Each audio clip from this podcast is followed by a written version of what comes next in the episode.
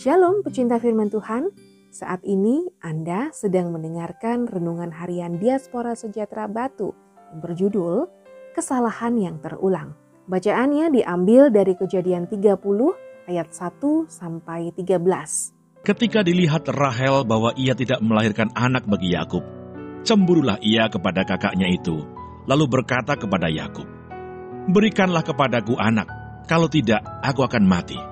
Maka bangkitlah amarah Yakub terhadap Rahel dan ia berkata, Akukah pengganti Allah yang telah menghalangi engkau mengandung?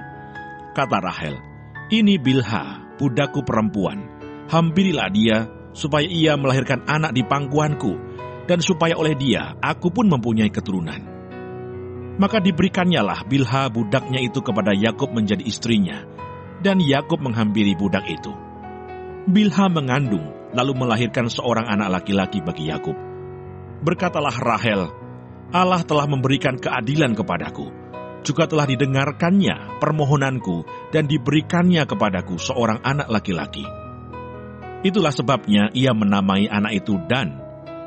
Mengandung pula lah Bilha, budak perempuan Rahel, lalu melahirkan anak laki-laki yang kedua bagi Yakub.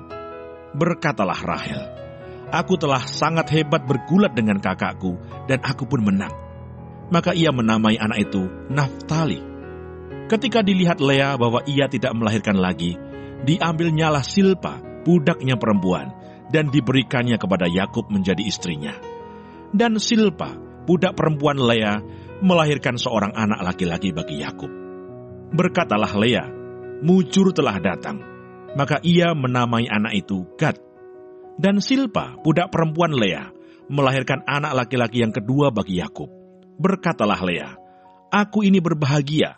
Tentulah perempuan-perempuan akan menyebutkan aku berbahagia." Maka ia menamai anak itu Asher.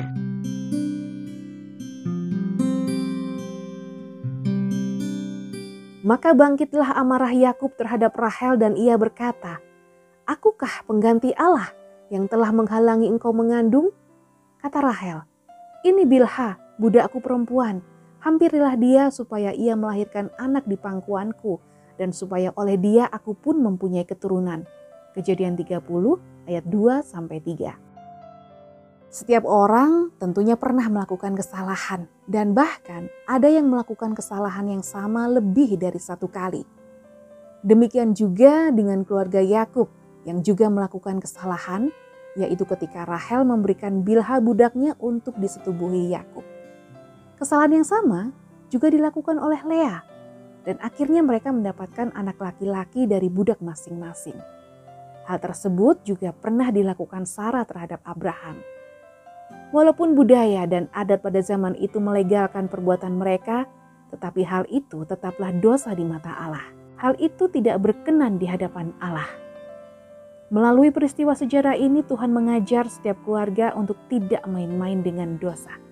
Ingatlah bahwa kehidupan yang dilakukan orang tua akan dilihat oleh anak keturunannya dan kemudian ditiru oleh mereka. Sehingga hal tersebut turut membentuk karakter dan kebiasaan anak-anak. Jadi jangan pernah menganggap remeh perbuatan dosa.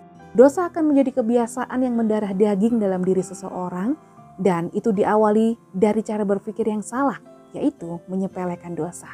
Jangan lupa, kesalahan besar diawali dari kesalahan-kesalahan kecil yang tidak segera diselesaikan dan akhirnya menjadi kebiasaan. Mari menjadi anak Tuhan yang bijak dalam menjalani hidup dan jangan biarkan dosa merusak kehidupan kita. Barang siapa setia dalam perkara-perkara kecil, ia setia juga dalam perkara-perkara besar.